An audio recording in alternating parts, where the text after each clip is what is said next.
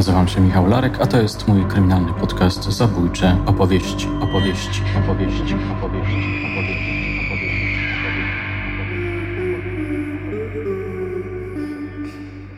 Szalony szewc.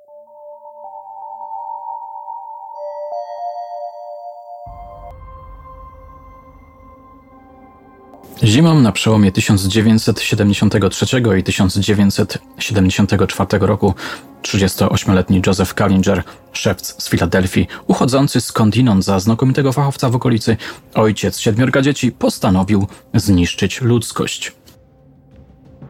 Był przekonany, że to mordercze pragnienie zostało wzbudzone przez Boga, którym sam chciał w przyszłości zostać. Żeby zadośćuczynić boskiemu rozkazowi, zaproponował swojemu synowi, dwunastoletniemu Michaelowi, przestępczą spółkę. Nie wspomniał mu jednak o objawieniach, czy też raczej o halucynacjach. W efekcie ojcowsko-synowski tandem zaczął działać zimą 1973 roku, dokonując napadów na domy w Pensylwanii i Jersey. Wyruszali w podróż autobusem, kiedy Joseph dostawał znak od Boga. Wyglądało to tak, że Joseph czekał na przystanku autobusowym, a Michael wykonywał brudną robotę. Od zimy 1973 do czerwca 1974 roku dokonali podobno 24 napadów. Miał to być wstęp do światowej masakry. Pewnego razu, w czerwcu, Michael zbuntował się i powiedział ojcu nakazującym tonem, że od teraz będzie razem z nim brał czynny udział w brudnej robocie. Józef niechętnie, ale uległ. Odtąd pracowali razem. Napadali razem na domy w stanie Pensylwania. Michael zasmakował w tym. Przynajmniej tak opowiadał później Kallinger w rozmowach z Florą Schreiber, której książka Shoemaker Anatomy of Psychotic jest podstawą niniejszego odcinka. Co ciekawe, winą za to, co się działo i za to, co się potem wydarzyło, obarczył swojego dwunastoletniego syna. Flora mówił, gdyby on powiedział nie, gdyby poszedł na policję, wszystko by się skończyło. Flora, dlaczego Michael mnie narażał?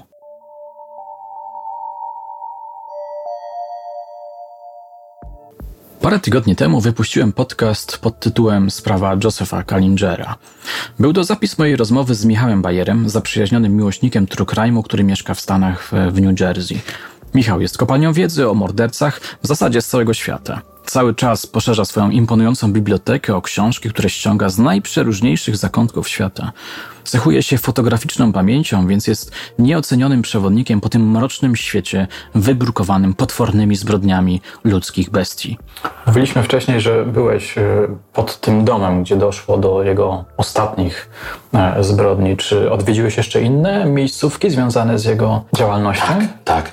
E, będę niedługo w Filadelfii. Miejsce, gdzie się znajdowało kiedyś jego centrum pracownicze już nie istnieje, ale było bardzo zabawne, bo było na dosłownym skrzyżowaniu dwóch ulic i po środku bloku właśnie był e, ten szewc i wisiał taki wielki napis właśnie z butem oczywiście pod spodem e, i gdzieś nawet ktoś znalazłem w archiwach jakieś stare zdjęcie, jak dzieciaki długo przed tą sprawą siedzą sobie po prostu i gadają przed tym, e, przed tym miejscem. Mam chęć pojechać właśnie do Filadelfii, której jest około jakieś dwóch i pół godzin od mojego e, zamieszkania.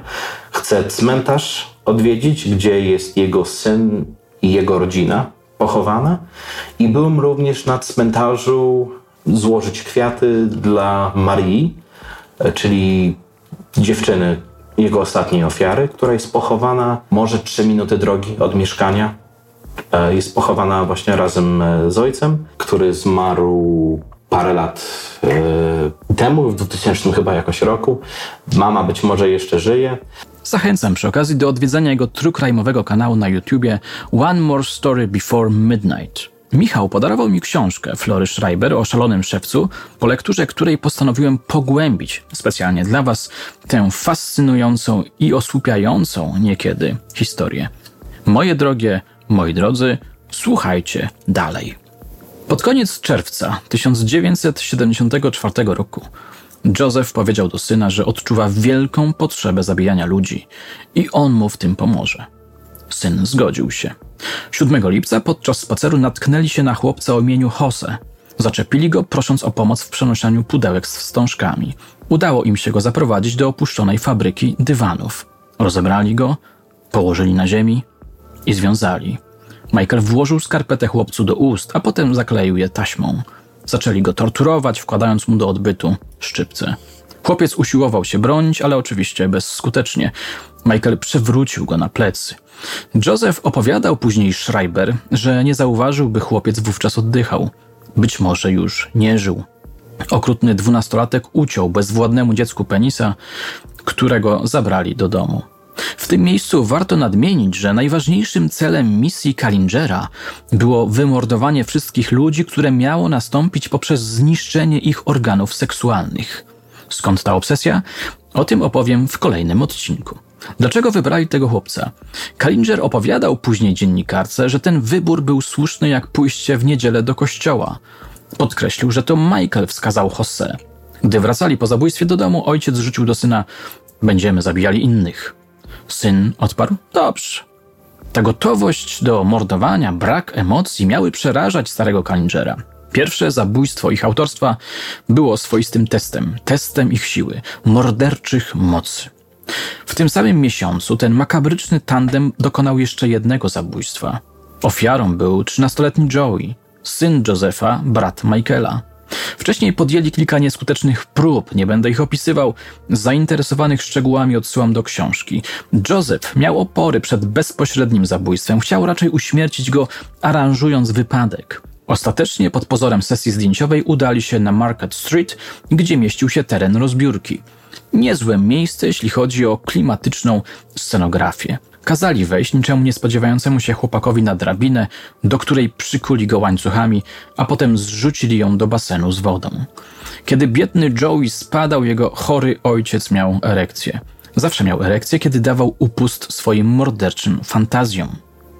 Zanim Joey umarł, prosił ich o pomoc. Nie zdawał sobie sprawy z tego, że to nie był nieszczęśliwy wypadek, tylko zaplanowane już jakiś czas temu zabójstwo. Według narracji Josefa on sam miał wątpliwości, ale Michael zarządził odwrót. Chciał, żeby jego brat zginął. Ostatecznie zatem nie udzielili mu pomocy. Chłopak zatonął. Rozdział opisujący to wstrząsające zdarzenie kończy się takim oto zdaniem. Joseph wiedział, że w końcu znalazł się na drodze do boskości. Rzeczywiście, on od pewnego momentu był pewien, że w przyszłości stanie się Bogiem. Kiedy w końcu znaleziono ciało Joe'ego, policja, a szczególnie pewien stary, doświadczony gliniarz, porucznik O'Neill, zaczęła podejrzewać Josefa o zabójstwo syna. Ważną przesłanką była historia przemocy w tej rodzinie. Joseph jakiś czas temu został oskarżony przez swoje dzieci o znęcanie się nad nimi, ale udało mu się z tego wykaraskać. Doprowadził nawet do tego, że dzieci wycofały swoje oskarżenia i mijając się z prawdą, stwierdziły, że wymyśliły zarzuty, żeby zemścić się na zbyt porządnym ojcu. Druga przesłanka była związana z faktem, że przed śmiercią Joe'ego stary Kallinger wykupił polisę ubezpieczeniową. Jakkolwiek ten trop był dobry, to jednak według Schreiber pieniądze od ubezpieczyciela nie były żadną istotną motywacją mordu. On postanowił zabić syna za namową Boga, przygotowując się do swojej zabójczej misji. Ku rozczarowaniu porucznika O'Neilla, Kallinger został wypuszczony z aresztu. Po wyjściu na wolność Kallinger przeprowadził kilka akcji odwetowych na policji, wymierzonych w jej wiarygodność. Ich celem było udowodnienie, że policja uwzięła się na niego i wbrew faktom próbuje mu przypisać zabójstwo. Tego wątku też nie będę rozwijał. Ważniejsze teraz jest to, że schizofrenia paranoidalna rozwijała się w umyśle Kallingera. Urojenia i halucynacje stawały się coraz potężniejsze. Kallinger czuł, że nieuchronnie zbliża się czas wdrożenia w życie planu masakry ludzkości.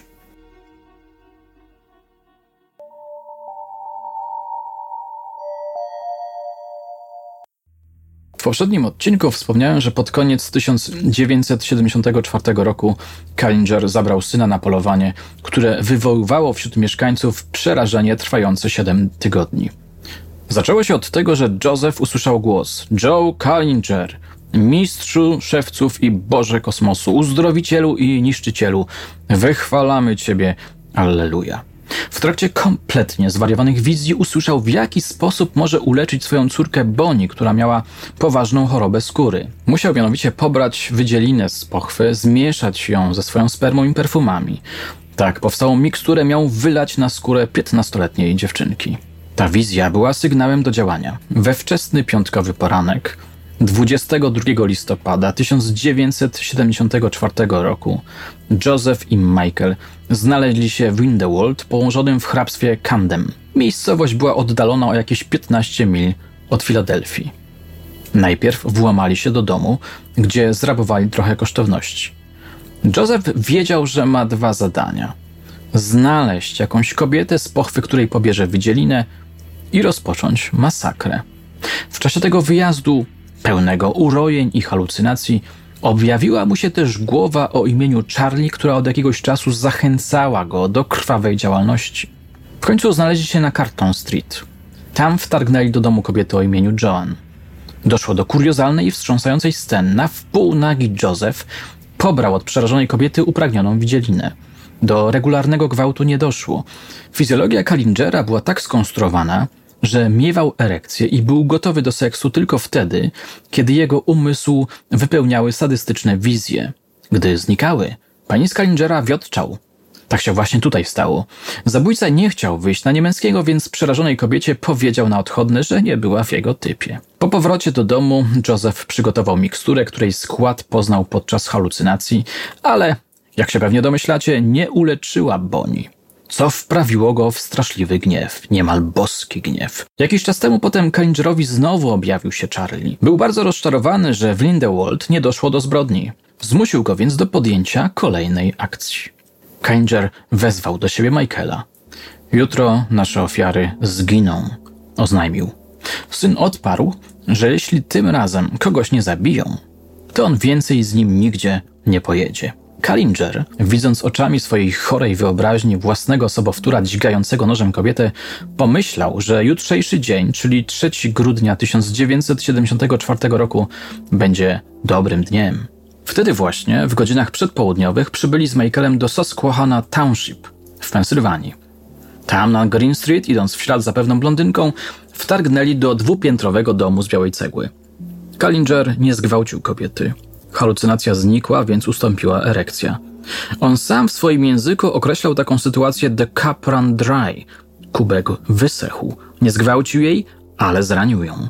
Podniósł jej bluzkę i nożem naciął pierś. Do domu pani Bogin zaczęły przybywać kolejno jej trzy koleżanki. Wszystkie zostały związane. Potem różne dziwne rzeczy działy się w głowie Kalingera. Między innymi ujrzał on swojego sobowtóra, który zmasakrował te kobiety. Obyło się jednak bez dalszej przemocy. Przestępcy ograniczyli się do zrabowania biżuterii i gotówki. Michael był chyba zdziwiony, że i tym razem nikogo nie zabili, ale Joseph nie zamierzał z nim dyskutować. Ruszyli z powrotem do domu. Przez kolejne dwa tygodnie był spokój. Żadnych wieści od Boga. Rozkaz z góry, a raczej z wnętrza chorej psychiki, przyszedł 10 grudnia. Tego dnia mroczny tandem znalazł się w Homeland, czyli w dzielnicy Baltimore, leżący w stanie Maryland. Włamali się tam do jednego z domów, w którym mieszkała młoda matka o imieniu Pamela. Początkowo Joseph chciał ją zabić, ale zmienił zdanie. Zapragnął seksu. Mierząc pistoletem w jej głowę, kazał jej zrobić sobie dobrze ustami. Według Schreiber było to związane z wydarzeniem z dzieciństwa, kiedy młodemu Josephowi pewien starszy chłopak zrobił przemocą fellatio – do tego wątku też wrócę w kolejnym odcinku. Ich łupem padła biżuteria i sprzęt fotograficzny. Po powrocie do domu Kallinger zorganizował swoje 38 urodziny. Szalony szewc roił sobie, że poleci razem z synem do Miami, Pekinu, Los Angeles i Moskwy. 6 stycznia 1975 roku Joseph i Michael dokonali jeszcze jednego napadu w Dumont, w stanie New Jersey, gdzie przybyli o 9 rano. Weszli do domu niejakiej Mary i przywiązali ją do łóżka. Kallinger zmusił ją do stosunku oralnego, co miało być chyba bardziej sposobem na upokorzenie ofiary, niż na osiągnięcie satysfakcji seksualnej. Ciekawostka. Schreiber pisze, że Kallinger przestrzegał ją przed ugryzieniem go w penisa. Podobno odezwał się wtedy w nim lęk przed kastracją. Kiedy Joseph skończył, Michael zapytał, czy też może odbyć stosunek z kobietą. Kallinger zgodził się, wyjątkowo, Zawsze mu odmawiał. Nakazał kobiecie, żeby zrobiła wszystko, co będzie chciał jego syn i wyszedł z pokoju. Chłopak chyba jednak nie stanął na wysokości zadania i wyszedł po paru minutach. To, co się wydarzyło w tych wszystkich wymienionych miastach, było, jak napisała dziennikarka, zaledwie wstępem do tragedii, która wydarzyła się 8 stycznia 1975 roku w Leoni, dziewięciotysięcznym miasteczku w stanie New Jersey.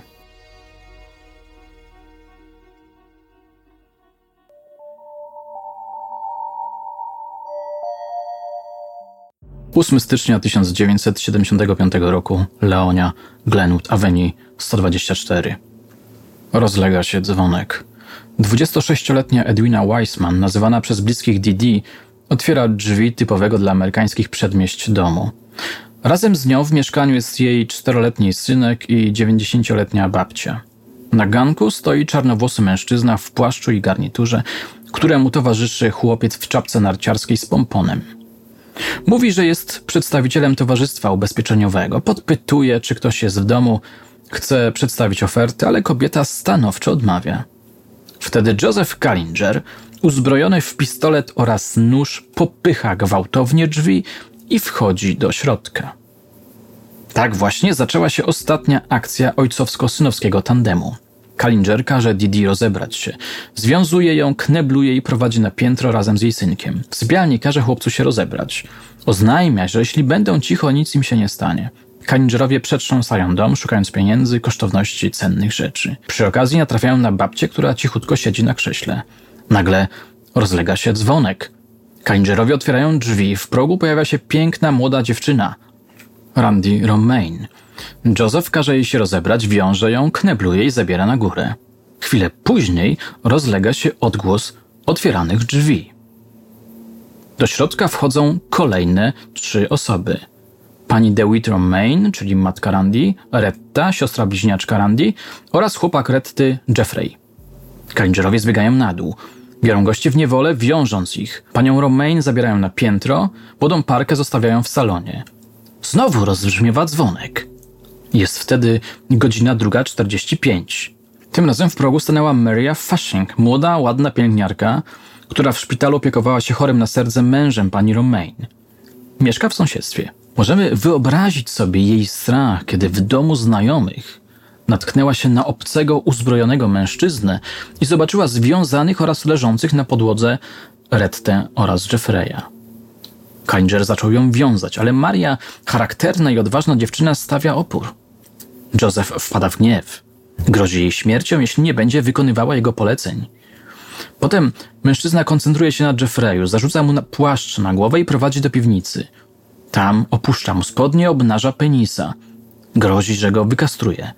Młody mężczyzna mdleje. Kalinger wraca do salonu po Marię, która związana siedzi na podłodze. Zabiera ją do piwnicy. Przykłada nóż do piersi i każe jej się rozebrać. Maria odmawia. Joseph dotyka ją krawędzią noża. Napiera na nią swoim ciałem, żąda fellatio. Pielęgniarka po raz kolejny stawia opór. Dla szalonego szewca to już za dużo. Zadaje jej nożem trzy ciosy w gardło. Maria krzyczy, że się topi. Kalinger uderza ją w plecy, potem dziga w piersi. Dziewczyna upada, uderza głową o podłogę. Umiera, ale Kalinger o tym nie wie. Kiedy okrzyki zabijanej Marii dochodzą do reszty uwięzionych, budzi się w nich determinacja. Następuje przełom. Randy uwalnia się, rozwiązuje swoją mamę, która wychodzi z domu i zaczyna alarmować okolice. Jej sąsiad dzwoni po policję, która przybędzie za pięć minut. Wcześniej Michael daje znać ojcu, że ktoś wydostał się z domu. Zabójczy tandem postanowił salwować się ucieczką. Gdy policja otoczyła dom, a strzelcy zajęli stanowiska, Kalingerowie biegli już w stronę Sylwan Park, zatrzymali się przy kałuży. Joseph ściągnął zakrwawioną koszulę i próbował ją oczyścić. Przestraszył się jednak dwóch kobiet przypatrujących mu się z uwagą. Kalingerowie ruszyli dalej, pozostawiając koszulę na miejscu. Zatrzymali autobus jadący do Nowego Jorku i wsiedli do niego. Tak pokrótce wygląda rekonstrukcja autorstwa Thomasa Plate'a, którą znalazłem w artykule No Safety in Suburbia Anatomy of Seven Weeks of Terror. co oznacza w wolnym tłumaczeniu przedmieścia w niebezpieczeństwie, anatomia siedmiu tygodni strachu. Z redaktorskiego obowiązku przypomnę, że mój rozmówca, Michał Bajer, przedstawił trochę inną wersję przejścia, że tak powiem, do zabójstwa. Kallinger w jego relacji miał zmusić mężczyznę do zgwałcenia. Marii ten się nie zgodził i wtedy agresor zaatakował pielęgniarkę. Jeszcze inną wersję przedstawił sam Kallinger w rozmowie z Florą Schreiber. On w czasie pobytu w domu przy Glenwood Avenue miał głowę wypełnioną przerażającymi, morderczymi, seksualnymi halucynacjami. Kubek był wypełniony i to po brzegi. Szalony szewc postanowił przejść do zabijania. Chciał zainicjować wreszcie masakrę ludzkości. W pewnym momencie musiał zadecydować, kogo zabić jako pierwszego. Wybór padł właśnie na Marię. Według niego był to wybór czysto logistyczny. Para była przywiązana do siebie, Maria do nikogo, łatwiej było zatem zabrać się najpierw za nią.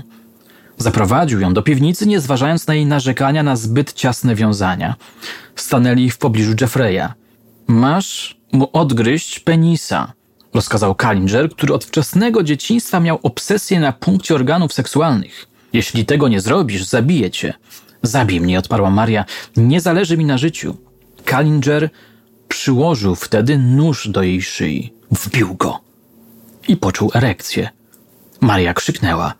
Kallinger uderzył drugi i trzeci raz. Zjawa o imieniu Charlie krzyczała więcej, więcej, dźgaj ją mocniej. Padły kolejne ciosy, przynosząc szalonemu szewcowi orgazm i boską energię. Duszę się krzyczała Maria, topię się.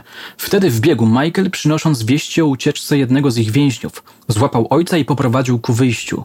Według Józefa to właśnie jego syn był dowódcą. Kiedy opuszczali piwnicę, Maria według relacji zabójcy miała stać i poruszać się tak, jakby wykonywała jakiś taniec. Obraz tańczącej i krwawiącej kobiety utkwił mu głęboko w pamięci. Wydaje się, że to była kolejna jego halucynacja. Kiedy Flora Schreiber zapytała Kalingera, dlaczego zadźgał Marię, odparł, że ona sama chciała przecież zginąć. Powiedziała, zabij mnie, nie zależy mi na życiu. Miała być zaburzona według Kangera, że domagała się śmierci. Gdyby wypełniła jego rozkaz i odgryzła penisa chłopakowi, owszem, i tak by zginęła. Z innymi domownikami, ale trochę później i inaczej.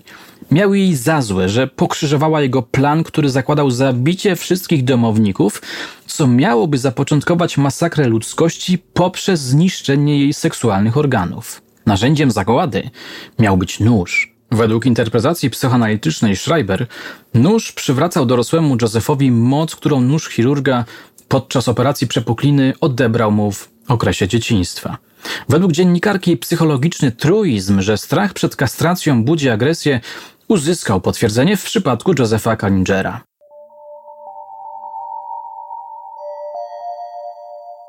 Michał wspomniał na początku podcastu o rodzicach Marii. W książce Schreiber znajduje się wzmianka o ojcu. To rozdzierająca migawka. Otóż na miejscu zbrodni pojawił się m.in. sierżant McDougall, który pracował w policji razem z Alem Fashingiem, ojcem Marii. Sierżant znał Marię od dnia jej urodzin, bardzo ją lubił. Zapewne przeżył szok na widok zadziganej córki przyjaciela. W pewnym momencie do pokoju, który stał się sztabem, wpadł sam ojciec zamordowanej. Chcę zobaczyć moją córkę.